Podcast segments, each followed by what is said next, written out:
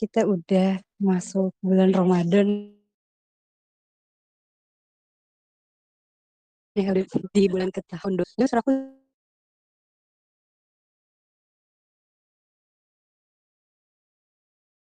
Ibadah puasanya, semangat juga buat yang non-muslim untuk menjalankan ibadahnya. Anyway, malam ini seperti yang teman-teman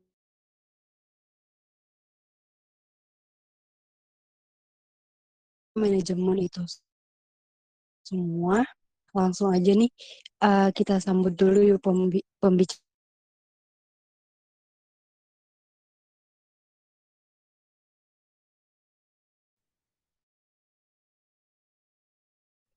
Halo.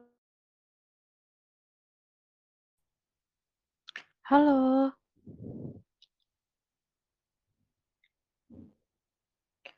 Halo Devi, suaranya di aku putus-putus, apakah koneksiku yang nggak stabil?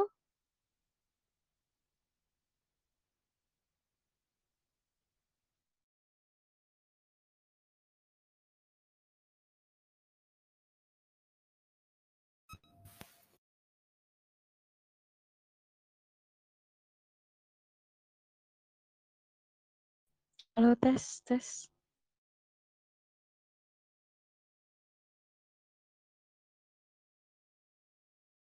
Halo, Kak Anggit. Halo, suaraku sudah jelas kah? Sudah, sudah jelas. Anggit Oke, gimana? selesai. Gimana Sorry. kabarnya sehat? Alhamdulillah sehat, agak sedikit batuk, tapi, eee, nanti mungkin kalau pas lagi ngobrol kita aku agak batuk, sorry ya. Iya, nggak apa-apa, Kak. Iya, sekarang mungkin karena su mu musimnya tuh lagi ini ya, Kak, panas, hujan, sekarang panas banget gitu ya. Semoga cepat Mhm. sembuh ya. Makasih, semoga, eee, apa, yang lain Mhm. juga sehat-sehat. Eh, Iya. sebelumnya aku mau cross check nih, di aku takutnya suaranya delay, apakah suaraku delay? Eee, di aku sekarang enggak sih, Kak, cuman tadi sempat putus-putus juga. Oh, oke, tapi ini Mmm. udah jelas? Sudah jelas. Oh, oke, syukurlah gitu. Karena tadi pas awal-awal nggak denger sama sekali soalnya suaranya Oh. Devi. Mhm mhm. Mungkin tadi apa sinyal aku yang kurang jelas ya. Oke, ini nanti kalau misalnya kurang jelas tolong dikasih tahu ya, Kak. Oke, siap. Oke, Kak Anggit, ini kan kita mau ngebahas tentang, eee, diri kita versus konflik gitu. Mungkin, eee, aku ngebahas case dulu kali ya yang sering aku, eee, beberapa kali alami gitu. Contohnya Mhm. tuh kayak aku sering banget ngerasa entah konflik sama diri aku atau sama, eee, di luar diri akulah ya, fak faktor eksternal itu. Itu kayak contohnya di pekerjaan gitu. Kayak misalkan di pekerjaan yang pertama aku ngerasa, eee, ada aja temen-temen te eee, lingkungan yang toxic gitu. Terus aku udah akhirnya kayak keluarlah dari situ, pindah kerja lagi, ternyata menemukan hal yang sama kayak gitu. Sampai akhirnya kayak di otak aku tuh jadi terpaku, "Oh, kayaknya emang semuanya apa namanya, toxic semua deh," gitu. Kayaknya nggak pernah ada yang toxic gitu sampai, eee, aku tuh bingung, "Ini tuh yang yang salah siapa ya?" Yang gitu, "Ini tuh kenapa ya?" Gitu. Jadi kayak wondering gitu, "Ini tuh apa sih?" Gitu. Itu wajar nggak sih, Kak? Wah, pa ini ya, apa, baru awal-awal kita konfliknya udah berat banget. Nah, Oh, mungkin eee, tapi makasih banget Mbak Devi udah udah sharing nih di awal-awal. Eee, mungkin aku disclai disclaimer dulu ya kalau padahal, eee, ini adalah sesi diskusi. Jadi teman-teman, eee, feel free, eee, kalau memang ada yang mau didiskusikan atau mau ditanyakan. Nah, eee, kita di sini pure diskusi. Jadi, eee, aku di sini akan, apa ya, ada proses bahwa kita belajar bareng, mmm, mungkin ada beberapa kata-kata ataupun, eee, penjelasan aku yang kurang jelas mungkin bisa ditanyakan atau mungkin teman-teman tidak setuju, itu boleh sekali. Jadi, eee, kalau teman-teman merasa, "Oh, harusnya nggak seperti ini, harusnya seperti itu," eee, aku akan sangat membuka, eee, apa ya, pintu seluas-luasnya kalau teman-teman memang mau diskusi bersama. Karena kita sama-sama nih belajar bareng nih buat di sesi malam ini, gitu. Nah, balik lagi ke case Devi tadi eee, tapi mungkin sebelumnya, mmm, mau apa ya, awalannya nih, eee, kalau kita ngomongin tentang konflik, eee, tentunya itu kemungkinan besar eee, sudah pernah terjadi di, eee, banyak orang ya gitu karena, mmm, kita sendiri sebagai manusia pasti berhubungan, eee, dengan banyak orang yang beragam-beragam pula nih jenis interaksinya dan jenis hubungannya juga, eee, sama orang tua, eee, kakak adik, pasangan, teman, suami, istri, sahabat, rekan kantor, rekan kuliah, rekan sekolah. Nah Situasi yang tadi Devi cerita itu adalah situasi di kantor, yang mana ranahnya mungkin lebih profesional, tidak begitu, personal dalam artian, ada tuntutan untuk kita saling profesional satu sama lain, di tempat kerja biasanya seperti itu. Nah, Baik itu di rumah maupun di kantor ataupun di sekolah gitu, pasti, karena ada lebih dari satu orang yang berinteraksi, eee, pastinya, eee, kemungkinan besar akan timbul nih konflik baik ringan ataupun berat gitu. Nah, tentunya juga mode penyelesaiannya beda-beda, karena bentuk ikatan yang terjalin itu kan beda-beda kayak tadi, eee, atasan bawahan lalu juga, eee, pasangan itu pasti bentuknya berbeda-beda. Nah, otomatis toleransi yang kita berikan itu juga beda-beda. Nah, sebelum masuk, eee, bahas lebih lanjut, eee, kasusnya Devi tadi, nah mungkin sebelumnya kita bahas tentang definisi konflik itu sendiri. Nah, apa sih sebenarnya de definisi konflik? Karena kan, eee, konflik adalah kata yang sering kita dengar nih, itu cukup umum gitu. Nah, konflik itu, eee, adalah situasi di mana terdapat perbedaan antara dua pihak. Jadi ada dua belah pihak yang mungkin saling bertentangan, baik itu pandangan, tujuan, maupun nilai. Jadi, eee, munculnya di beragam situasi, dari hal yang sederhana sampai hal yang, eee, serius gitu. Dari mulai pribadi, kelompok, hingga, eee, banyak hal antar bangsa, antar negara gitu. Nah sorry. Nah, untuk, eee ada banyak penyelesaian konflik. Nah, penyelesaian konflik ini yang, eee, apa ya, orang mungkin kadang nggak ngeh nih, oh ternyata dia tuh, eee, ketika dia melakukan action sesuatu itu sebenarnya penyelesaian konflik yang mereka lakukan.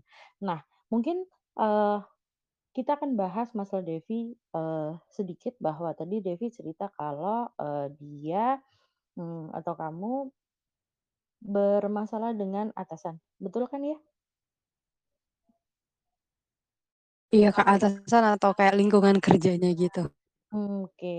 Nah, eee, terus salah satu yang dilakukan adalah karena nganggap bahwa, "Ah, toksik nih." Terus salah satu yang dilakukan adalah, eee, pindah cari lagi tempat yang baru karena menganggap bahwa, eee, itu toksik.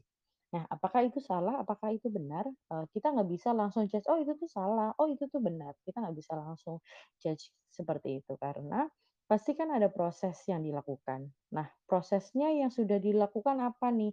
Kalau Devi kemarin, eee pada akhirnya ketika, oh tahu nih, eee, ini tuh ternyata toksik. Toksiknya sejauh apa sih dan akhirnya memutuskan untuk resign berapa lama?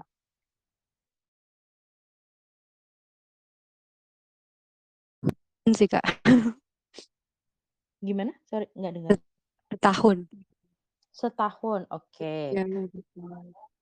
Nah, eee, boleh ceritain nggak kayak apa sih, eee, mungkin se sedikit, eee, apa, kasusnya atau, eee, apa sih yang akhirnya, eee, Devi ngecap nih, "Oh ini tuh toksik nih," gitu? Mungkin lebih ke apa ya, efeknya tuh ke aku sih, Kak, dari, eee, aku misalkan kayak ngerasa dibedain dari yang lain, terus kayak aku selalu ngerasa tersudut sih, cuman, eee, aku tuh tipikal yang make sure gitu loh, ini apakah cuman perasaan aku doang, atau memang orang lain itu memandang, eee, hal yang sama sama pandangan aku. Jadi aku survei Mmm, juga tuh, eee, ternyata, orang-orang itu ngerasa bahwa, "Oh iya emang emang aku tuh diperlakukan seperti itu loh sama, eee, salah satu temenku," gitu. Cuman, eee, dari situ aku kayak, "Ah iya nih," gitu. Sebenarnya aku udah coba kayak, mmm, discuss sama atasan aku, "Gimana sih ini kayak gini, ada case kayak gini," gitu. Cuman tidak menemukan jalan keluarnya karena emang sudah karakternya seperti itu gitu dan aku nggak bisa merubah orang lain gitu ya. Jadi kayak, Mhm. ya sudah gitu, aku pun udah berbicara sama orang itu sih, Kak, cuman nggak berubah juga akhirnya kayak, "Ah, ya sudahlah kalau bisa, eee, cut off, cut off aja," gitu. Karena kan Mmm. maksudnya aku, mmm, aku ngerasa aku sudah cukup belajar di situ, jadi aku mau cari ilmu lagi yang lebih dari situ gitu. Oh, oke. Nah, eee, that's a good that's a good, eee, move gitu kalau menurutku ketika ternyata, eee, kamu belajar nih untuk, eee, ini harus seperti apa nih. Nah, cuman yang aku mau tanya adalah berarti kamu pernah ada nggak, eee, apa, ngobrol atau nanyain langsung ke orangnya gitu, "Ada apa sih? Apakah, eee, benar kamu melakukan hal ini atau ini hanya perasaanku dan, eee, tanggapan lingkunganku saja?" Gitu. Pernahkah? Kak, karena aku tipikal orang yang nanya langsung tuh ke orangnya gitu, cuman ya namanya manusia kan nggak semuanya bisa jujur sama perasaannya gitu. Jadi ya sudah. Oke oke, noted. Nah, eee, apa yang dilakuin Devi, eee, itu bisa dijadiin contoh ya buat teman-teman dalam artian gini, eee, terkadang ketika, eee, konflik itu datang kadang tuh kita udah siap, kadang enggak. Kenapa kita bisa bilang kayak gitu?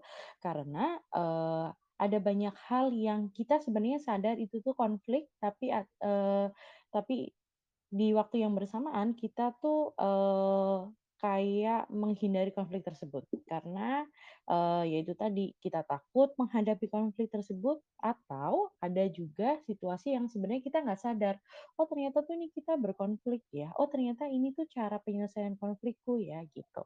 Nah, dari tadi kan kita bahas tentang penyelesaian konflik. Sebenarnya jenis-jenis penyelesaian konflik tuh ada banyak. Nah, eee, karena kan jenis konflik tuh ada banyak nih. Kayak kalau contohnya nih kalau sama orang tua itu mungkin, eee, kalau anak sekolah nih biasanya pemilihan kuliah atau, eee, keputusan untuk, eee, bekerja di mana atau keputusan untuk keluar dari rumah dalam artian bisa sekolah, bisa kuliah, atau bisa bekerja gitu. Itu mungkin ketika ternyata ada ketidaksetujuan dari, eee, salah satunya itu bisa menimbul menimbulkan konflik. Itu dengan orang tua atau, eee, ketika dengan pasangan sesederhana, "Kita mau makan apa nih?" Atau, eee, kebiasaan, "Aku tuh nggak suka ya kebiasaan kamu yang ini, aku tuh nggak suka ya kebiasaan kamu yang itu," gitu. Itu juga bisa menimbulkan konflik. Nah, ini kan adalah yang dikemukakan. Kayak yang tadi Devi bilang bahwa Devi ngobrol nih, Devi merasa tidak nyaman terus akhirnya dia meng eee, konfirmasi kepada, lingkungan, atasan dan juga orang tersebut. Nah, tapi terkadang ada konflik yang sebenarnya kita tuh diem-diem aja nih, dalam artian kayak, "Wah, saya tahu nih ini kalau teri ini tuh udah di tahap kalau kita bahas pasti kita berantem besar gitu. Terus akhirnya keputusan yang diambil adalah, "Udah deh diem aja deh, nunggu reda, nunggu emosi dia reda," gitu. Jadi kita udah sudah tahu tuh, itu tuh termasuk konflik juga gitu. Dan ketika kita memutuskan untuk diam, itu sebenarnya kita sudah, eee, mengambil tindakan untuk menyelesaikan konflik tersebut. Nah, gitu. Jadi, eee, secara tidak sadar, eee, kita tuh sudah melakukan, penye jenis je beberapa jenis penyelesaian konflik ketika berhadapan dengan orang lain atau ketika, eee, kita berkonflik dengan orang lain. Nah, jenis-jenis penyelesaian konflik tuh apa aja sih gitu? Nah, mungkin teman-teman tuh sebenarnya cukup familiar dengan apa yang dilakukan. Nah, salah satunya adalah avoiding. Nah, ini tuh sering banget terjadi. Kenapa aku bisa bilang sering banget terjadi? Karena Eee, orang-orang tuh kadang dia nggak sadar dia melakukan hal ini, baru sadar kayak, "Oh iya ya, kok nggak dihadapin ya?" Gitu. Nah, contohnya nih, eee, namanya juga avoiding. Avoiding itu menghindar, jadi cara penyelesaiannya dengan menghindar. Nah, eee, definisinya adalah pihak yang terlibat konflik, mmm, A maupun B ataupun berkelompok, itu memutuskan untuk tidak berinteraksi atau menghindari masalah yang ada. Jadi, harapannya ketika dia menghindari masalah yang ada, eee, konfliknya itu akan, eee, membaik dengan sendirinya, gitu. Jadi kayak, "Ah, nggak mau bahas itu ah, nanti juga selesai sendiri," gitu. Nah, untuk penyelesaian konflik yang, eee, ini, itu cukup tricky. Jadi teman-teman harus ingat nih, eee, bentuk avoiding yang biasa teman-teman lakukan itu konfliknya apa aja gitu. Nah, bentuk penyelesaian konflik itu ada banyak, jenis-jenisnya ada banyak. Nah, eee, kita harus tahu kenapa jenis-jenisnya dengan tepat, karena kita juga harus tahu di situasi apa sih sebenarnya penyelesaian konflik itu bisa dilakukan gitu. Karena bentuk avoiding ini tidak bisa kalau teman-teman lakukan ketika ternyata konfliknya membutuhkan komunikasi dua arah gitu. Contoh yang tadi, kalau, eee, Devi memutuskan untuk, "Ah, ya udah deh biarin aja," gitu, eee, kalau ternyata dia melakukan perbedaan gitu terus, eee, Devi merasa "Ya udah diemin aja toh nanti orangnya juga, eee, diem sendiri." Ada beberapa orang yang melakukan tersebut. Atau, eee, itu kan yang Devi rasakan adalah atau Devi alami adalah yang dilakukan oleh teman sebayi atau teman kantor. Kalau nih ternyata dilakukan oleh atasan, terus kita diem aja. Padahal sebenarnya kita butuh nih komunikasi atau penyelesaian, eee apa sih sebenarnya yang terjadi gitu. Jadi kita bisa tahu nih sebenarnya orang lain tuh, eee, ada apa, ada masalah apa dan, eee, ingin seperti apa gitu. Sama halnya kita juga tahu nih, eee, kita tuh sebenarnya nyamannya seperti apa. Jadi avoiding ini mungkin tidak bisa diterapkan untuk masalah-masalah yang sebenarnya butuh dibahas, krusial untuk dibahas. Tapi avoiding ini, eee, tidak menampik bahwa ini tuh berguna untuk masalah-masalah kecil. Tapi balik lagi, masalah-masalah kecil itu berbeda dengan masalah yang kita anggap kecil ya. Terkadang, eee, kita kan punya pribadi-pribadi yang berbeda. Nah, kalau kita menganggap itu tuh masalah kecil, tapi sebenarnya mungkin masalah besar untuk orang lain, itu beda. Beda lagi nih ceritanya. Jadi, eee, kita perlu tahu nih benar-benar ketika ada masalah, ini tuh apa sih sebenarnya masalahnya gitu. Jadi kita tidak menyepelekan masalah tersebut dan juga menerapkan penyelesaian konflik yang salah gitu. Nah, lalu selanjutnya itu ada accommodating. Nah, mengakomodasi. Kalau tadi avoiding, kita menghindari menghindari konflik tersebut, jadi harapannya adalah konflik itu selesai. Kalau, akom mengakomodasi konflik itu, eee, biasanya mostly terjadi di keluarga ataupun di pasangan gitu. Apa sih, eee, akomodasi itu? Jadi kita menyelesaikan masalah dengan salah satu pihak yang mengalah gitu. Jadi menyesuaikan diri dengan keinginan orang lain. Dengan harapan, eee, situasinya menjadi lebih baik. Nah, jadi tujuannya itu menjaga perasaan nih, eee, ya udah deh aku eee, ngalah deh untuk, eee, biar kita tidak berantem atau atau oke deh, eee, aku, eee, ngikut deh apa yang kamu mau biar, eee, kita nggak, eee, berantem di depan ini gitu. Nah, accommodating ini sering terjadi di keluarga ataupun di, eee, pasangan, ataupun orang-orang yang cukup apa ya, eee, cukup dan ingin menjaga, perasaan orang lain dan menyenangkan orang lain. Ja jadi biasanya karena kita, cenderung untuk, ingin menyenangkan orang lain atau menjaga perasaan orang lain, kita tuh cenderung untuk menyesuaikan diri dengan keinginan orang lain. Nah, contohnya apa? Contohnya nih kalau, pasangan, baik itu suami istri atau masih berpacaran, intinya in relationship deh, ada, si yang laki-laki mungkin, eee, egonya sedang tinggi, lalu dia, eee, emosi nih, mungkin emosinya bukan ke yang perempuan, tapi ketika, eee, contoh nih ternyata ada kejadian di kantor, terus mereka ternyata bertemu nih, pulang bersama. Nah, yang, eee, istri atau pasangannya tahu nih, oh, eee, pasangan saya sedang emosi nih, eee, karena saya, eee, tidak ingin me apa ya, menambah, eee, permasalahannya. Jadi, eee, saya akan nanya, eee, "Kamu ingin apa? Eee, kamu emosi ya? Kamu pe pengen diapain?" Gitu. Eee kamu ingin ngobrol atau enggak gitu. Walaupun mungkin di dalam hati pasangannya adalah aku juga punya konflik, aku juga punya masalah di kantor, eee, aku juga kepengen ditanya gitu. Tapi di saat itu karena kita lihat pasangan kita mungkin lebih membutuhkan untuk didengar, jadi kita memutuskan untuk mendengarkan gitu. Atau, eee, ketika, eee Memutuskan untuk makan di mana, eee, "Kamu mau makan apa?" Gitu, "Aku mau makan, eee, yang kuah." "Aku tapi mau makan yang pedas." Gitu. Nah mungkin, eee, salah pasangannya akan, eee, "Ya udah deh ini aja," gitu, "karena kan kamu lagi pengen ini." Gitu. Jadi lebih, eee, apa ya, lebih toleransi atau lebih Menyesuaikan keinginan salah satu pasangan gitu. Itu ya itu tadi untuk menghindari, ya udahlah nggak apa-apa harapannya harapannya adalah, eee, pasangannya senang, harapannya pasangannya, eee, tidak bete tidak bete ketika makan atau senang ketika makan gitu, karena kita senang nih lihat, eee, dia senang makan dan lain-lain.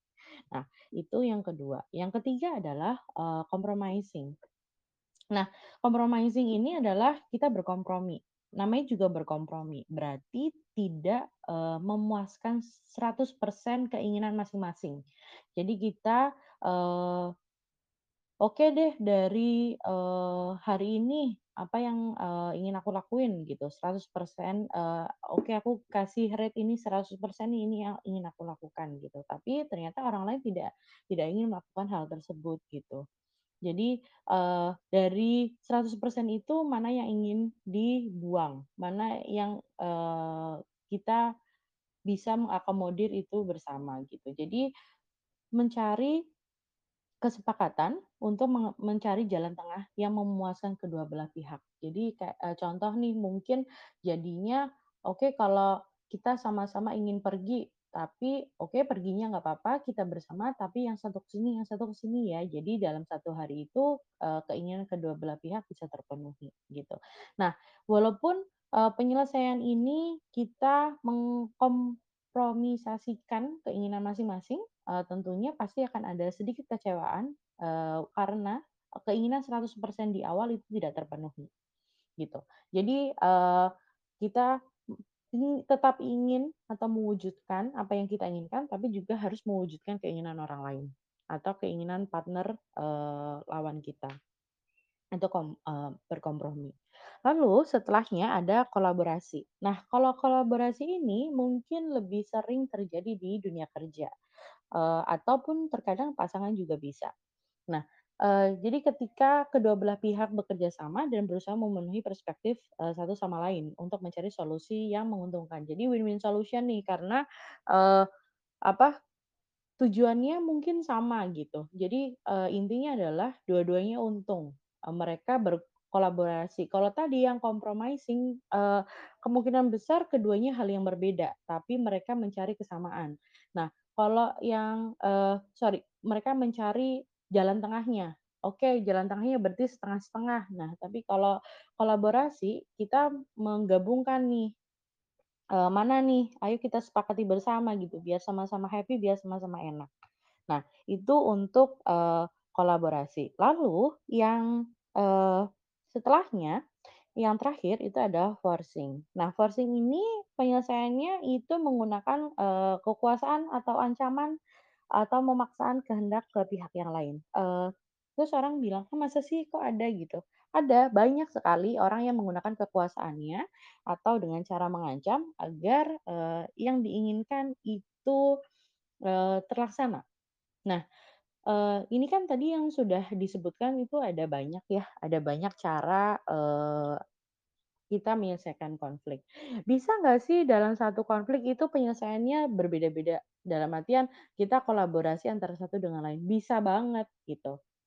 Eee, contoh, eee, kadang, eee, secara tidak sadar, eee, kita tuh sering menggunakan, eee, avoiding, eee, dan juga kalau ternyata avoiding itu tidak, eee, apa ya, tidak menyelesaikan ya kan harapan dari avoiding adalah masalahnya selesai. Tapi ternyata masalahnya nggak selesai dan masalahnya muncul lagi. Oh ternyata berarti kita harus, eee, compromising nih atau accommodating nih gitu.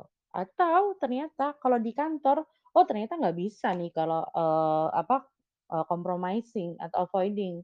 Dia harus ditekan nih, dia harus tahu posisinya eee, saya sebagai atasan, eee, dia sebagai bawahan harus mengerjakan hal tersebut. Nah, itu bisa jadi.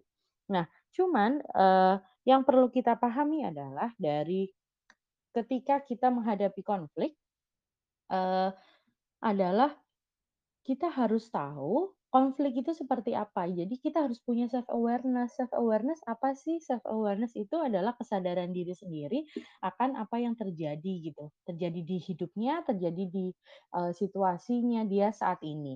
Nah, self awareness ini uh, berguna untuk membaca ini situasinya lagi apa sih gitu. Kita tuh sekarang uh, kenapa sih gitu. Ada apa gitu. Jadi Jadi tadi ketika Devi bilang bahwa, "Oh ini kayaknya ada yang salah nih," gitu, dia memperlakukan, eee, aku dengan berbeda gitu. Nah itu adalah salah satu alarm di diri bahwa, "Oh ada yang salah," tanda kutip gitu. Nah, eee, yang Devi lakukan adalah mem-follow up, eee, mem-follow up, eee, rasa ketidaknyamanan yang muncul akibat pengabaian dari orang lain. Nah, eee, itu satu hal yang, eee, mungkin bisa kita terapkan, eee, di kehidupan kita. Jadi ketika ada sesuatu yang salah, eee, jadi kita tuh, eee, kan sebenarnya tubuh kita tuh kan punya alarm ya, dalam artian kayak mana yang su disukai, mana yang tidak disukai, mana yang membuat kita sedih, mana yang membuat kita senang gitu. Nah Belajar buat mengaktifkan hal tersebut. Jadi kita harus, eee, aware nih, kita tuh lagi ada apa, apa yang kita rasakan gitu. Kita tuh harus tahu apa yang kita rasakan dan kita ingin apa. Nah, kenapa sih pada akhirnya kita ingin apa? Karena, eee, banyak sekali situasi ketika kita meng kita nggak tahu kita inginnya apa, kita juga nggak tahu ternyata ada konflik apa, itu tuh, eee, ada situasi kayak gini, Contoh biar lebih real case-nya adalah, eee, contoh kalau yang tadi, eee, Devi tentang kerja, eee, aku tuh ngerasa ini tuh toxic buat aku gitu, aku ngerasa ini toxic buat aku, terus habis itu aku, eee, pengen resign gitu karena, eee, tempat ini toxic, terus aku pindah. Aku pindah, eh, aku ketemu orang yang sama gitu, "Ah, ini di sini toxic juga," terus aku pindah lagi. Ah, pindah lagi, pindah pindah pindah pindah dan pindah terus gitu.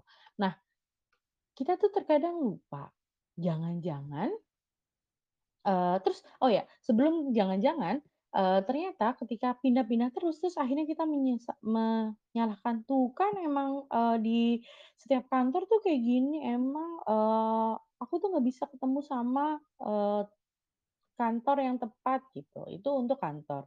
Nah, kalau untuk relationship kadang, beberapa orang ketika ketemu, partner yang, toxic dan dia, ingin mengusahakan nih, oh tapi ternyata nggak bisa, terus akhirnya dia ingin, eee, mencari lagi, eee, partner yang lain, ternyata ketemunya pattern yang sama, orang yang toxic-nya sama nih, ih Eee, memang terus habis itu mereka punya label nih, "Eh, emang nih semua laki-laki tuh, eee, toksik ya? Emang nih ya semua laki-laki tuh gini ya?" Gitu. Atau kebalikannya, "Oh iya emang ya semua perempuan tuh matre ya? Karena masa setiap aku pacaran, at atau setiap aku berhubungan sama perempuan pasti, eee, mereka minta ini, minta itu, minta ini." Gitu.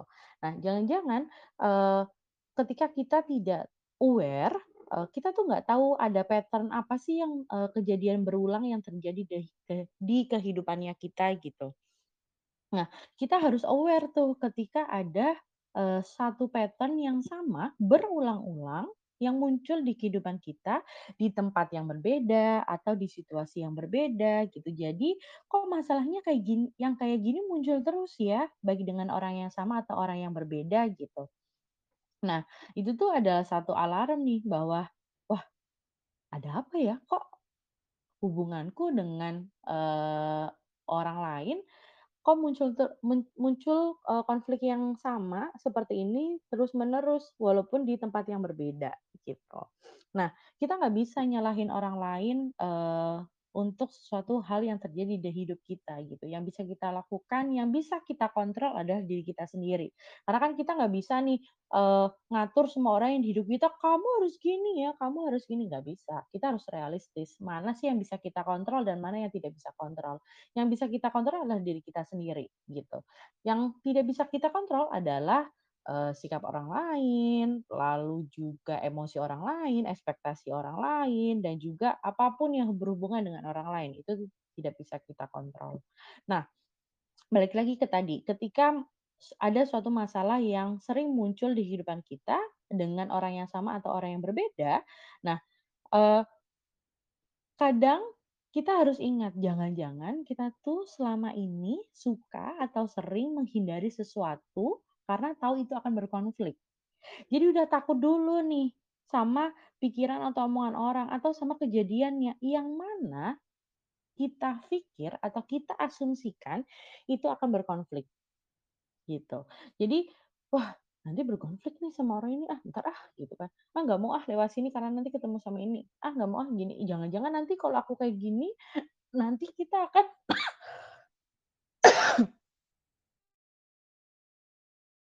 Jangan-jangan nih, eee, kalau kita, eee, bertemu atau kita ngobrol, nah nanti akan seperti ini, "Ah, nggak mau ah ngobrol sama dia, soalnya nanti pasti aku nggak akan didengerin." Gitu. Jadi ada banyak hal yang biasanya kita, eee, antipati duluan nih gitu, eee, karena kita takut sesuatu hal terjadi.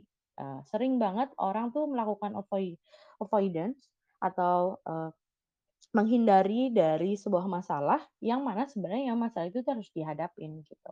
Nah, contoh masalah relationship, kita nggak bisa, eee, ketika ada masalah terus menghindari terus, eee, masalah tersebut, eee, padahal itu, mmm, masalah yang harus kita selesaikan. Kenapa? Ketika, eee, emang masalah yang kayak apa sih yang harus kita selesaikan dengan cara, eee, avoiding atau accommodating atau, eee, compromise gitu?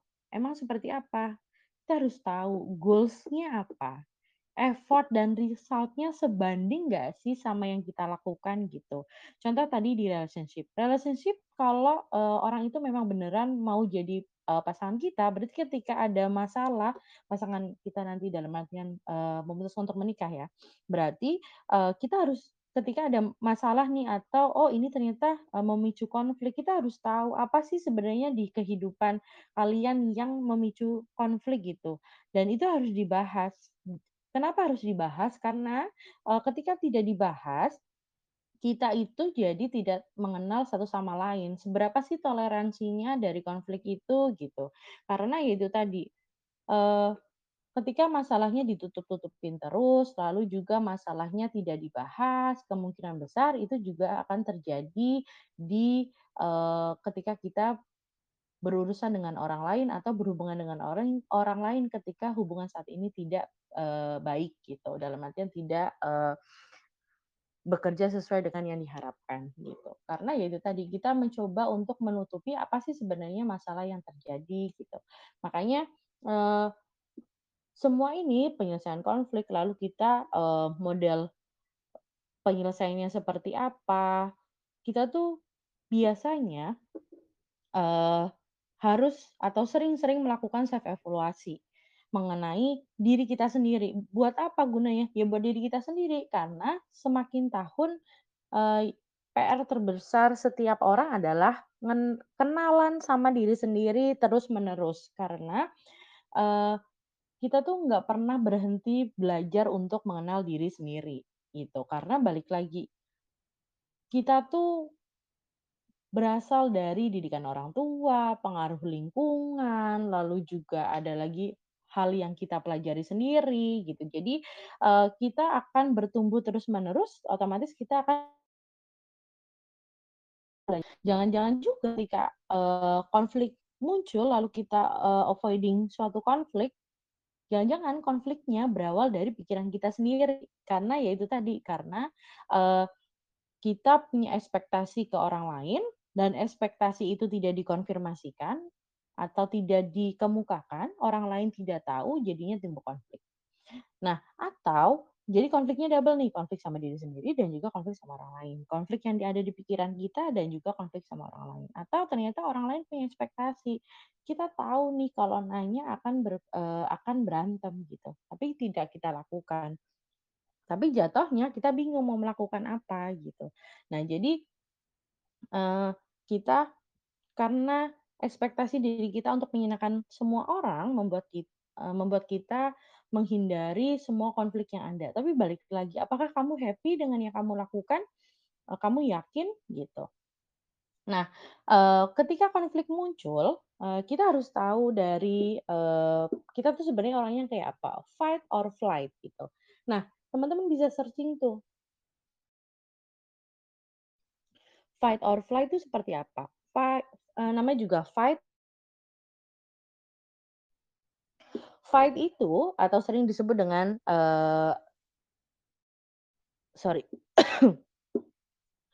sorry fight, eee, atau disering eee, kita sebut dengan respon fight or flight. Jadi mekanismenya itu kita bertahan atau pertahanan yang, eee, ada di dalam tubuh untuk menghadapi situasi yang stressful ataupun, eee, ada suatu konflik ataupun masalah.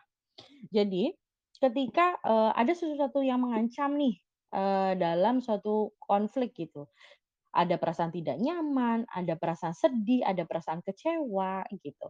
Nah, biasanya kita tuh ada 2 jenis, eee, defense mechanism-nya. Jadi kita melawan, jadi kita, eee, hadapin tuh rasa sakitnya gitu, ataupun kita melarikan diri, eee, atau flight. Jadi, eee, karena nggak suka rasa rasa kecewanya, karena nggak suka rasa tidak nyamannya, jadi kita melarikan diri.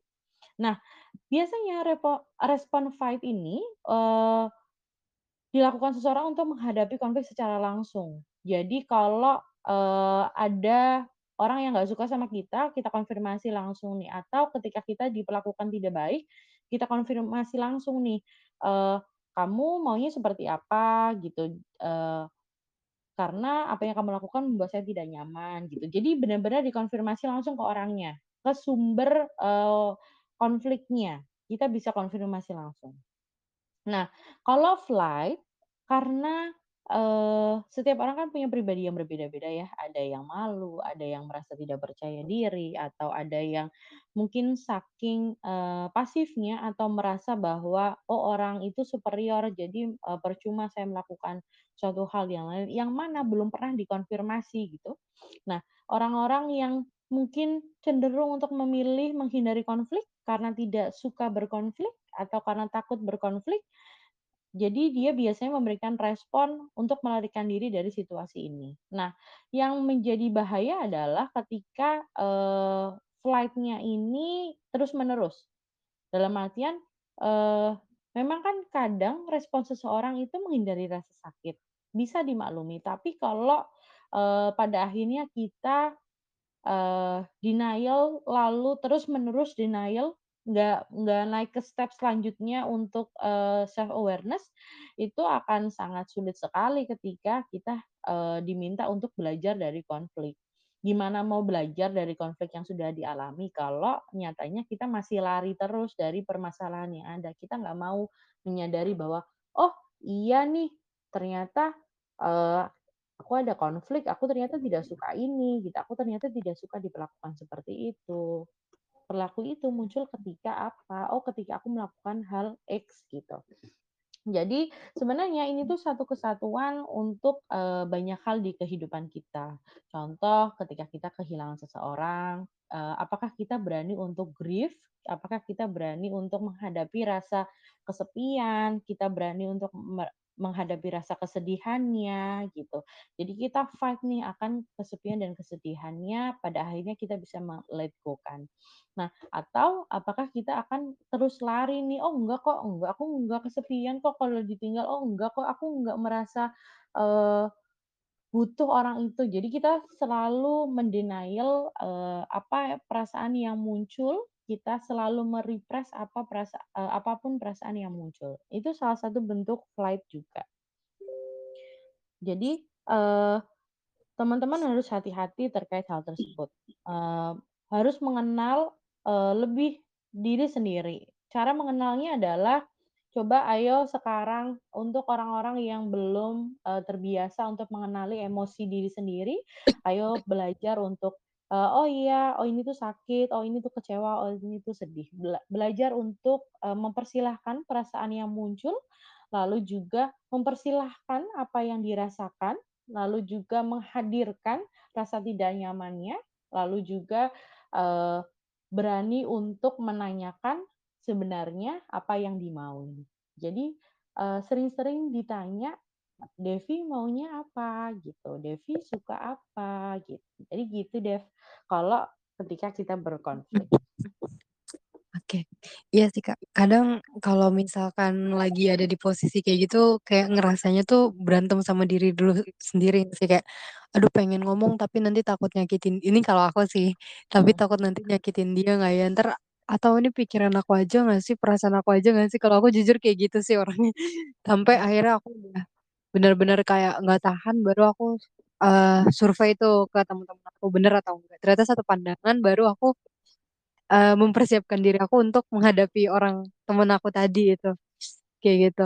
Tapi bener yang tadi Kakak bilang, udah Kakak paparin tuh bahwa, eee, semuanya harus dihadapi, semuanya harus bener-bener kita, eee, ya udah boleh lewat, boleh masuk gitu. Jadi kayak kita setiap hari belajar mengenal tentang diri kita sendiri, gitu ya.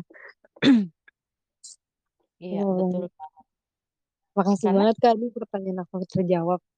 Iya, eee, yang tadi Devi bilang kalau, eee, oke nih butuh waktu gitu, tapi terkadang, eee, banyak orang yang nggak sadar nih alarmnya gitu, dia nggak sadar nih dia tuh butuh waktu berapa lama sih, oh ternyata dia kelamaan karena, eee, sama aja kayak air got, kalau, eee, kita nggak alirin air got itu pelan-pelan atau sedikit-sedikit, nanti pada akhirnya akan mampet terus baunya ke mana mana sama aja kayak konflik ataupun masalah, kalau kita tidak berusaha untuk menyelesaikannya satu persatu, kita ulurin satu persatu, baunya akan ke mana mana yang mana orang yang harusnya tidak berkonflik dengan kita, kemungkinan besar akan kena juga, gitu. Betul banget Kak. By the way Kak, aku boleh ini nggak, izin bacain pertanyaan dari Boleh, silakan. eee, dari anonim. "Halo Kak, izin bertanya, tadi Kakak bilang kalau kita harus berkompromi dan bisa membuat kita merasa nggak puas dan juga kecewa. Kira-kira gimana ya Kak, saat proses kompromi sudah dijalani tapi rasa kecewa masih ada dan sulit untuk hilang, padahal kompromi itu sudah solusi yang terbaik? Terima kasih Kak." Hmm. oke. Ya, oke. Nah, tidak harus, kita tuh tidak harus berkompromi. Dalam artian yang tadi, eee, permasa apa, cara penyelesaian kan ada banyak. Nah, kalau memang kamu merasa adalah kompromi ad jalan yang terbaik, balik lagi, yang memilih untuk berkompromi adalah kamu, bukan orang lain. Dalam artian, eee, kita kan tidak bisa menyalahkan orang lain ketika kita melakukan sesuatu hal ya, atau memberikan atau memutuskan sesuatu keputusan. Nah kamu sendiri yang memutuskan untuk berkompromi. Jadi, make sure ketika kamu memutuskan suatu hal, kamu siap menerima risiko yang terjadi. Yaitu yang tadi, ad eee, muncul rasa sedikit rasa tidak puas ataupun kecewa. Kenapa? Karena yang bisa kita kontrol adalah diri kita sendiri. Eee, kamu bisa melakukan, eee Kolaborasi atau mungkin, pemaksaan, eee, terhadap orang tersebut, tapi kamu memutuskan untuk tidak melakukan hal tersebut, yang mana pasti ada konsekuensi yang harus diambil. Semua hal di kehidupan kita tuh ada, eee, resikonya. Nah, eee, makanya kenapa kita harus self awareness, kenapa kita harus tahu apa yang kita mau, karena itu tadi, biar kamu tahu dan kamu siap menerima resiko yang diambil. Mungkin terdengarnya apa ya, terdengarnya "kejam" tanda kutip ya, tapi ya itu, kita memang harus tahu apa sih kita ambil, apa sih resikonya, biar kita berproses untuk menerimanya lebih mudah. Dalam artian, oke, eee, ini aku ambil, oke berarti aku udah seperti ini, berarti aku harus belajar untuk mengkompromikan di diri aku sendiri. Karena kan kompromi itu yang utama adalah kompromi sama diri sendiri, baru bisa ke orang lain. Nah, ketika rasa kecewanya masih ada setelah sekian waktu dan sulit hilang, coba ditanyain lagi deh, apa benar kompromi itu solusinya? Jangan-jangan bukan kompromi, tapi mengakomodasi karena kamu menjaga eee, perasaan orang tersebut, gitu. Gitu, Devi. Oke, berarti kayak lebih ke menjaga perasaan orang ya, Kak. Kadang rancu sih, Kak, bener, kayak ini tuh sebenarnya kompromi atau gimana gitu.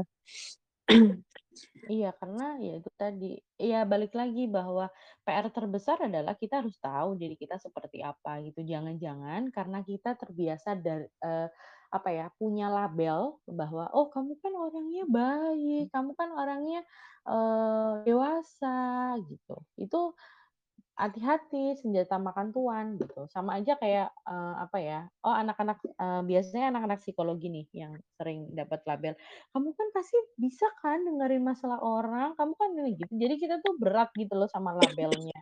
Kita nggak mau, eee, apa, dicap jelek sama orang lain atau kita nggak mau dicap yang berbeda dari orang lain gitu. Jadi hati-hati sama label orang lain, karena jangan-jangan bukan itu, diri kita tuh bukan itu.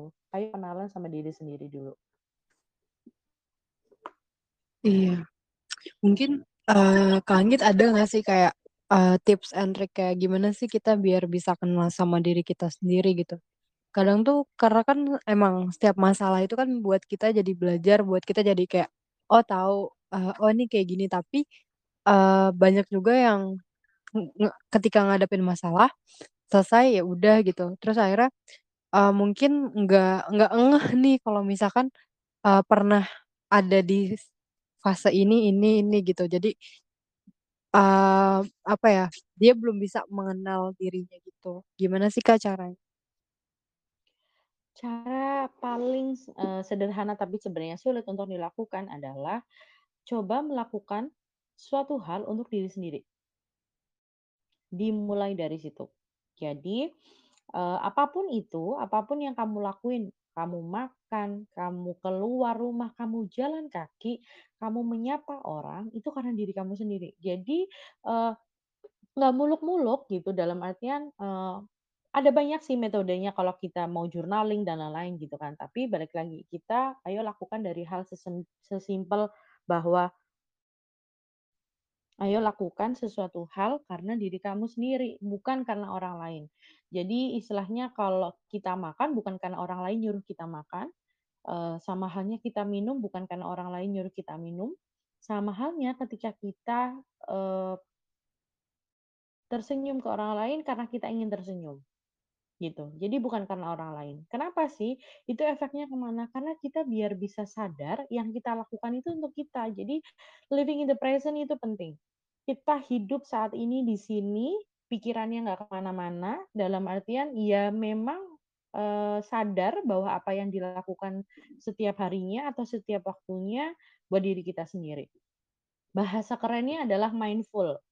Mungkin Yap. orang-orang sering kan kayak kita terus mindful, kita harus mindful. Ayo kita, eee, mendeskripsikan dengan hal yang lebih sederhana yang bisa kita lakukan setiap harinya. Kalau teman-teman memang tidak mengerti gimana caranya mindful, ya dari hal itu tadi, ketika kita makan untuk diri kita sendiri, kita hayati kita makan apa, kita bernafas untuk apa, atau kita ternyata ngerasa, "Oh kepanasan nih, panasnya karena apa?" Gitu. Jadi kita sadar nih, sekeliling kita tuh seperti apa. Berawal dari situ. Berawal dari situ, berawal dari kita living in the present, berawal dari kita mindful sama diri kita sendiri, dan juga akhirnya kita berani untuk merelakan apa sih yang kita rasakan setiap harinya. Tidak menampik bahwa tidak semua orang diajarkan untuk mengenal diri sendiri atau perasaan diri sendiri. Dalam artian ketika kita sedih, kita bisa bilang sedih, ketika kita senang, kita bisa bilang senang, ketika kita kecewa, kita bisa bilang kecewa, ataupun ketika kita marah, kita bisa bilang bahwa kita marah karena X gitu. Nah, tidak menampik bahwa setiap orang itu, eee, punya background keluarga yang berbeda ya, dalam artian tidak semua diajari untuk memvalidasi emosinya sendiri. tidak Mmm. bisa menyalahkan orang tua kalau mungkin orang tua tidak tahu pelajaran tersebut, tapi kita yang saat ini, kita sudah punya akses informasi yang banyak, jadi mari yuk kita belajar untuk memvalidasi emosi diri sendiri. Jadi kita bisa lebih kenal nih sama diri kita sendiri. Jadi nantinya ketika kita memberikan ekspektasi terhadap diri kita dan juga orang lain, kita tahu nih kita harus seperti apa. Karena kalau kita tidak sadar nih, ternyata kita memberikan ekspektasi ke orang lain atau menggantungkan ekspektasi kita ke orang lain, kecewanya akan lebih dan kemungkinan besar berkonflik akan sangat besar. Gitu. Mmm, oke oke. Berarti dimulai dari step berpikir bahwa yang kita lakuin adalah untuk diri kita sendiri gitu ya. Terus Betul. juga harus mindfulness, itu sih susah kadang mindfulness tuh. Iya. semoga temen tabula yang lain nggak susah. Karena jujur mindfulness tuh menurut aku kayak, aduh gimana ya, kadang akunya di mana, pikirannya ke mana gitu. Iya, betul. Itu, eee, ini apa, eee, resiko overthinking. Iya, aku parah sih Kak, overthinking banget. Iya, jadi hati-hati sama overthinking. Karena overthinking bisa ngefeknya ke mana-mana ya, gitu. Apalagi kalau teman-teman lagi cemas akan sesuatu, gitu. Mungkin aku bisa kasih tips nih Dev, kalau padahal, eee, kamu lagi overthinking, Mhm. sangat overthinking coba Gimana? coba maaf, coba pegang sesuatu benda yang bertekstur di sekitarmu. Terus kamu harus sadar itu benda apa, kamu pegang, jadi kamu fokusnya ke benda itu. Gitu. Oke. Itu, eee, belajar buat kita stop kalau kita pikirannya ke mana-mana. Jadi kalau kita udah pikir ke mana gini gini, terus langsung pe pegang aja. Kalau ada bola, bolanya dipegang. Kalau ada, eee, karpet yang bertekstur, coba dipegang, "Oh ini teksturnya ini, warnanya ini," gitu. Otomatis pik pikiran kita akan terfokus ke benda-benda yang kita pegang. Nah, itu kita lagi mindful gitu. Jadi kayak ketika kan kalau overthinking kan bener-bener pikirannya ke kanan, kiri, atas, Iya. bawah, utara, selatan, itu kayak kita lagi nepok sekali, sekali terus habis itu stop gitu. Gitu sih. Oke oke, makasih Kak sarannya. Semoga bermanfaat juga buat temen tabula ya. Mungkin ada temen tabula yang masih mau tanya lagi nih, boleh banget. Mumpung kita masih ada waktu sekitar 6 menit lah ya. Mmm. Kalau dilihat dari chat-chat-nya sih udah pada mahir-mahir sekali ya, karena ketika mereka Iya. berkonflik sama diri sendiri, mereka melakukan, eee, Bisa refleksi, self menanganinya talk ya. gitu. Mhm. Karena Cooling emang down mhm. gitu. Iya. Cooling down emosi negatif itu kayak tel ya. Terus Kak Marcel menenangkan diri dulu. Iya sih penting banget ya Kak, karena, eee, kalau misalkan lagi emosi gitu, kita ke mana-mana tuh jadinya kayak kadang tuh nggak berarah gitu, jadinya berantakan. Iya betul. Nah ini menarik banget nih, eee, kalau, eee, aku baca chat dari Dita, "Halo Dita, asalnya Solo, eee, gimana cara kamu menyelesaikan konflik dengan dirimu? Konflik dengan diri sendiri, maka akan mencari ruang sendiri dan menulis pertimbangan-pertimbangan, terkadang juga minta pendapat orang lain. Konflik dengan orang lain, maka akan kasih jarak dulu dengan yang bersangkutan, juga waktu untuk memikirkan ulang pokok permasalahannya dan dikomunikasikan apabila yang bersangkutan terlalu memojokkan kita, bisa pertimbangan untuk cut off yang bersangkutan."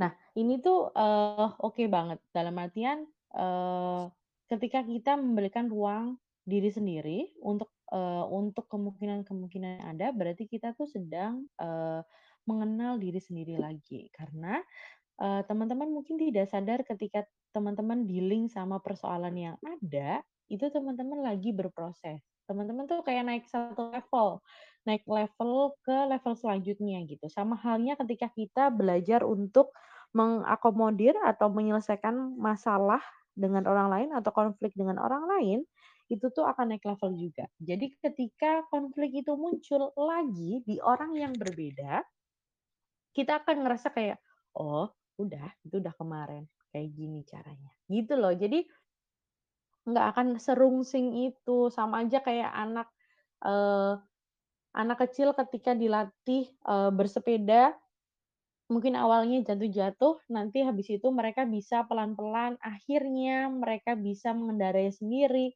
yang mana berproses habis itu, habis sepeda, next-nya ketika anak itu sudah besar, mereka ingin belajar motor. Habis belajar motor, mereka ingin belajar mobil, gitu. Jadi memang akan naik level gitu. Orang yang mencoba untuk menyelesaikan konfliknya pelan-pelan dengan, eee, benar dalam artian make sure nih apa yang dilakukan benar dan self evaluasi, belajar dari situ, dia akan naik level nih. Secara tidak sadar kamu akan naik level. Tapi orang yang denial terus-menerus tidak menyelesaikan konflik itu pelan-pelan ataupun bertahap, dia akan tetap ada di situ gitu. Jadi ketika ada sesuatu hal hadir di kehidupan kalian dengan pattern yang sama terus-menerus, coba deh ditanya, kalian sudah menyelesaikan masalah itu belum sama yang kemarin? Atau persoalan yang kemarin sudah diselesaikan dengan benar atau belum? Atau jangan-jangan kita yang terlalu egois atau kita yang terlalu permisif untuk menyelesaikan masalahnya. Gitu dah.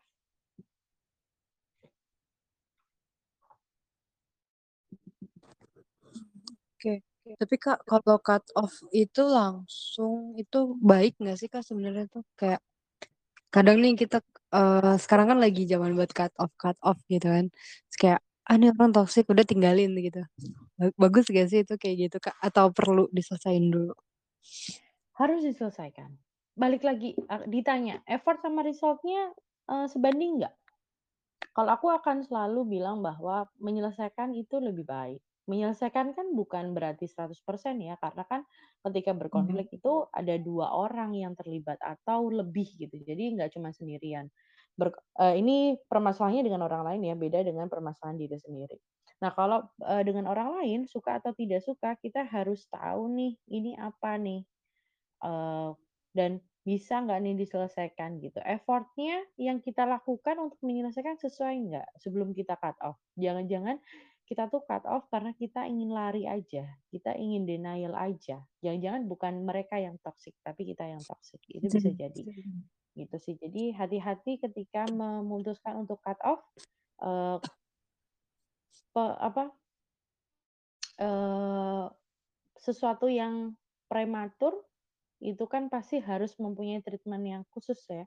Jangan-jangan kita tuh, eee, early judgment gitu, untuk sesuatu Iya. hal. Nggak mikir panjang ya. Betul. Oke. Kak, satu lagi nih Kak, pertanyaan terakhir di live kita nih, dari Devi juga namanya, Devi Stefani. "Hai Kak, izin bertanya, bagaimana caranya untuk berdamai dengan diri sendiri? Karena saya merasa terus menyalahkan diri sendiri akibat saya baru sadar sikap saya yang dulu begitu menyakiti orang lain." Oke. Halo Devi, Halo. enak ya? Oke, yang pertama adalah, eee, bagaimana caranya yang utama memaafkan diri sendiri dulu.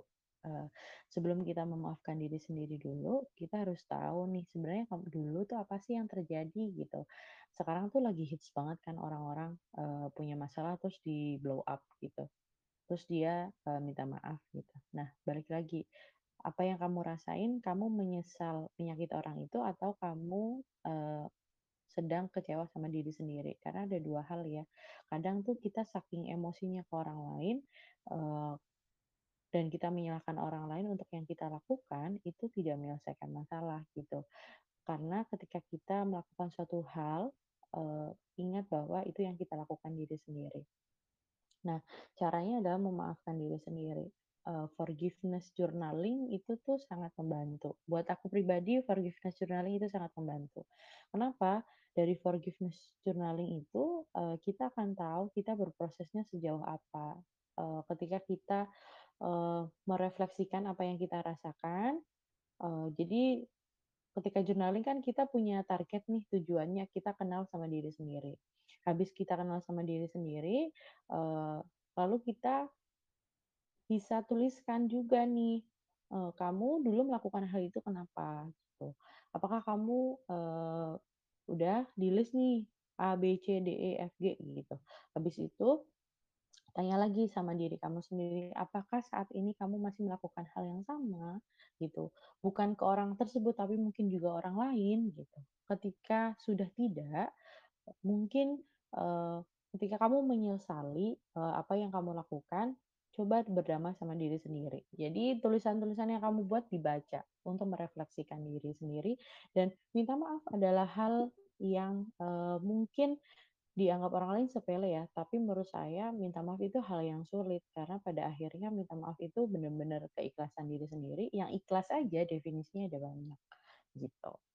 Berdialog sama diri kita di masa lalu, kenapa kita melakukan hal tersebut dan apakah hal itu masih kita lakukan saat ini atau tidak gitu. Mungkin bisa di uh, searching nih terkait dengan forgiveness gitu, karena memang hal yang paling sulit itu memaafkan diri sendiri. Jadi teman-teman bisa searching terkait uh, forgiveness dulu. Bisa pakai journaling, ada bisa pakai mirroring, ada banyak hal. Nanti teman-teman bisa uh, searching karena kalau dijelasin di sini mesti akan banyak sih. Karena yeah. sampai evaluasi dulu, lalu ada uh, step selanjutnya dan lain-lain gitu. Sampai 12 SKS ya kak? Iya betul. Oke semoga terjawab ya deh uh, karena ini kan udah jam 9 juga nih kak. Jadi sebenarnya nih kayak ada yang mau nanya boleh open mic atau di chat aja nih kak kira-kira? Boleh kalau mau open mic. Boleh kalau gitu aku coba ya halo kak Del sebentar Hmm. Oke, halo Kak Adel. Halo. Nih, Kak Adelnya belum ngomong. Ada yang Halo Kak Adel.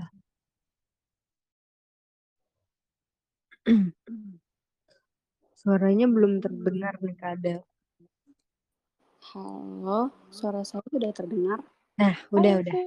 Nah, Oke, baik Kak, makasih banyak kesempatannya. Ini dari tadi sebenarnya aku mau nanya tapi uh, agak bingung cara nanyanya gimana. Uh, jadi makasih atas kesempatannya. Uh, nama aku Adel.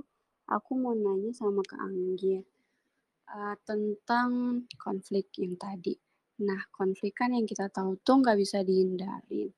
Yang aku pengen tanyain itu hmm, terkait dengan konflik uh, relationship.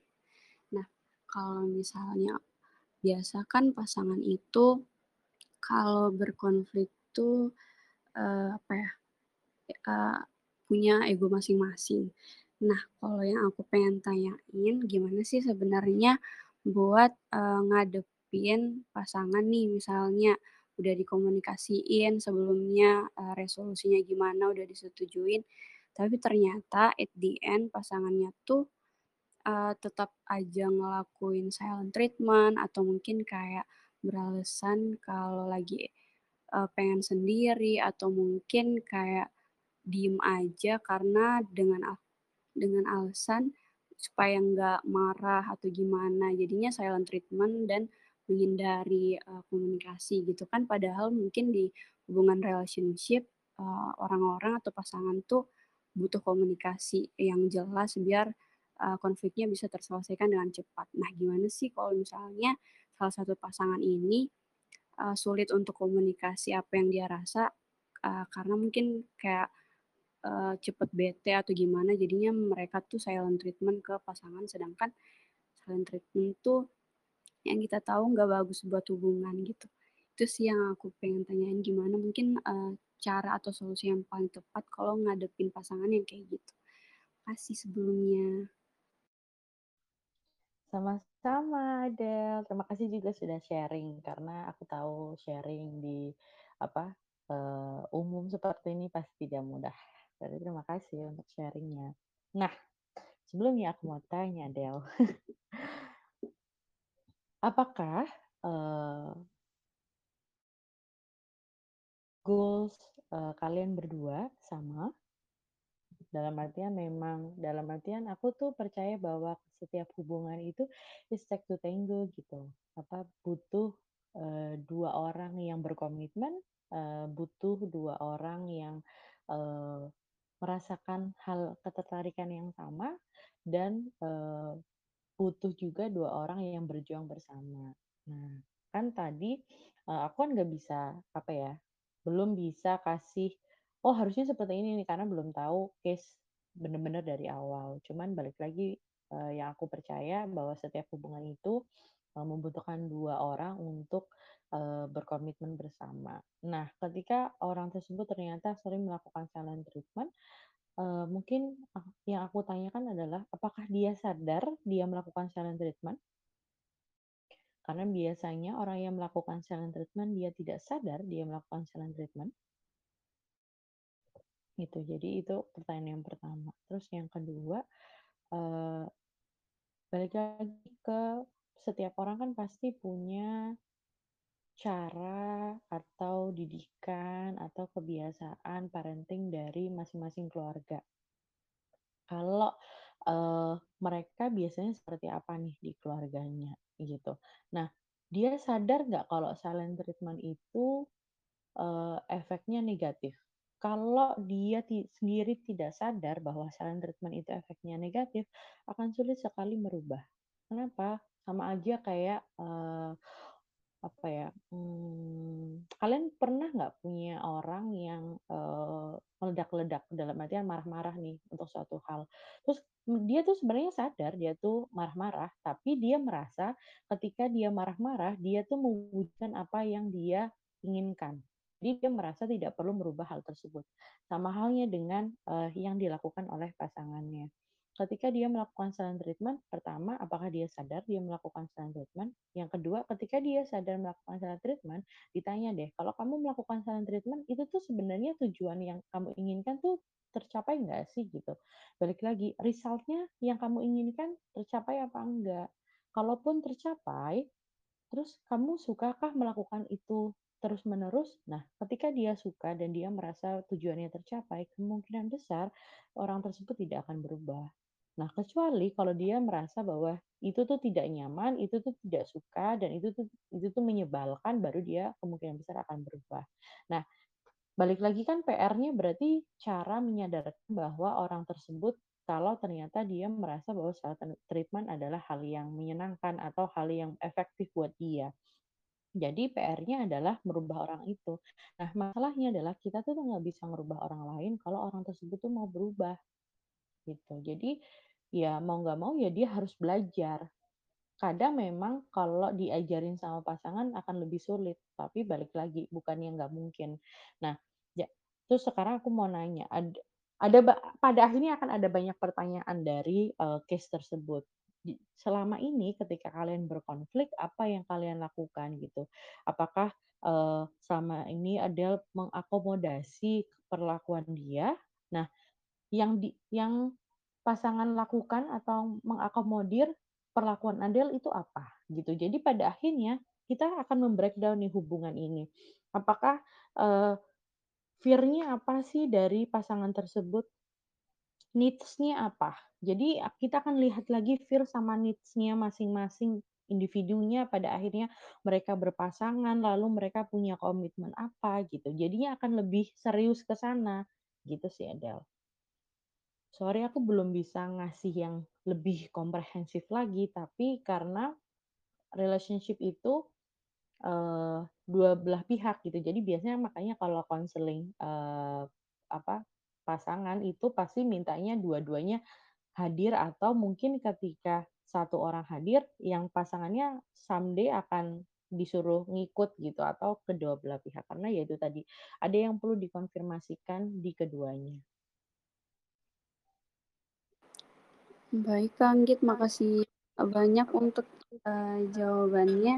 Sebenarnya aku tuh udah pernah uh, konsul juga di konseling teman tabula. Kebetulan waktu itu kalau nggak salah Kaprista namanya aku juga waktu itu sempat ini uh, konseling tentang relationship.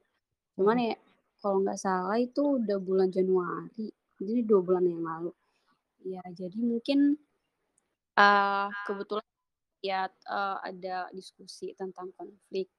Setelah konseling waktu itu pun ya tetap aja konflik tuh nggak bisa dihindarin. Jadi uh, makanya aku uh, tadi tuh tertarik untuk ikut uh, diskusi ini karena aku ngerasa kayak walaupun aku udah uh, belajar untuk menyelesaikan konflik dan lain-lain, tapi sebenarnya kalau dari orang lain yang nggak bisa kita kontrol, ya tetap aja agak susah untuk diselesaikan apalagi mungkin tipe pasangan kita tuh cenderung untuk melakukan silent treatment atau mungkin avoiding gitu sih kak.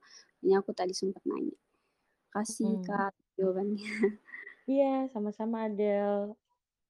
Semangat ya balik lagi. Semua tuh akan kembali biasanya aku akan nanya effort dan resultnya sesuai atau enggak tanyain lagi ke orang itu dia sebenarnya suka nggak melakukan hal itu. Nah kalau suka semua akan kembali lagi ke uh, Adele mau di seperti apa kan?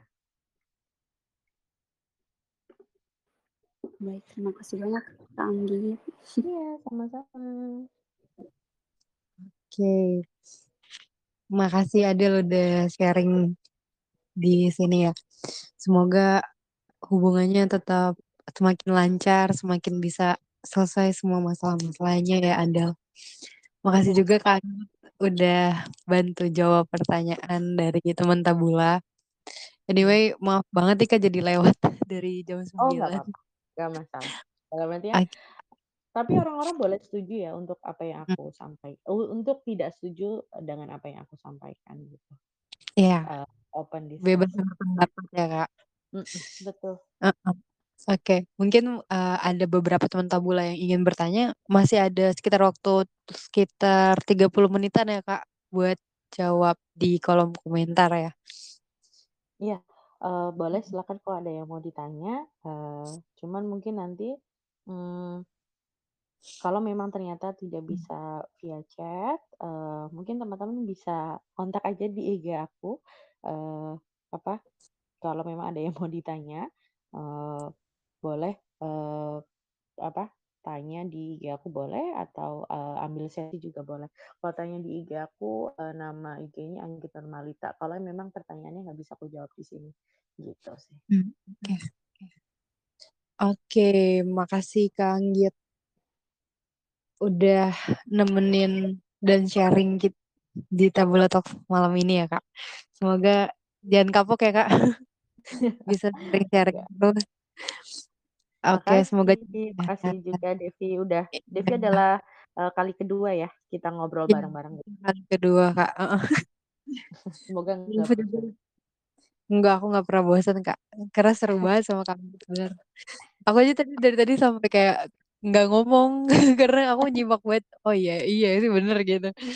Oke, uh, sampai ketemu di next tab Tabula Talks ya, Kak. Makasih banyak atas waktunya dan kesempatannya. Semangat puasanya besok, Kak. Teman Tabula juga yang Oke, puasa, semangat ya. Oke, Dan terima kasih teman-teman ya buat Kak. teman-teman yang udah dengar. Terima kasih kembali, Kak. Buat teman Tabula Talk juga makasih udah mau mendengarkan sampai jam 21 lewat 14 ini. Semoga yang udah kita dengar, udah kita simak itu bermanfaat untuk kita ke depannya. Semoga yang lagi ada masalah cepat selesai, semoga yang nggak ada masalah ya terus berjuang gitu ya. Jangan pernah ngerasa sendiri karena kita ada gitu.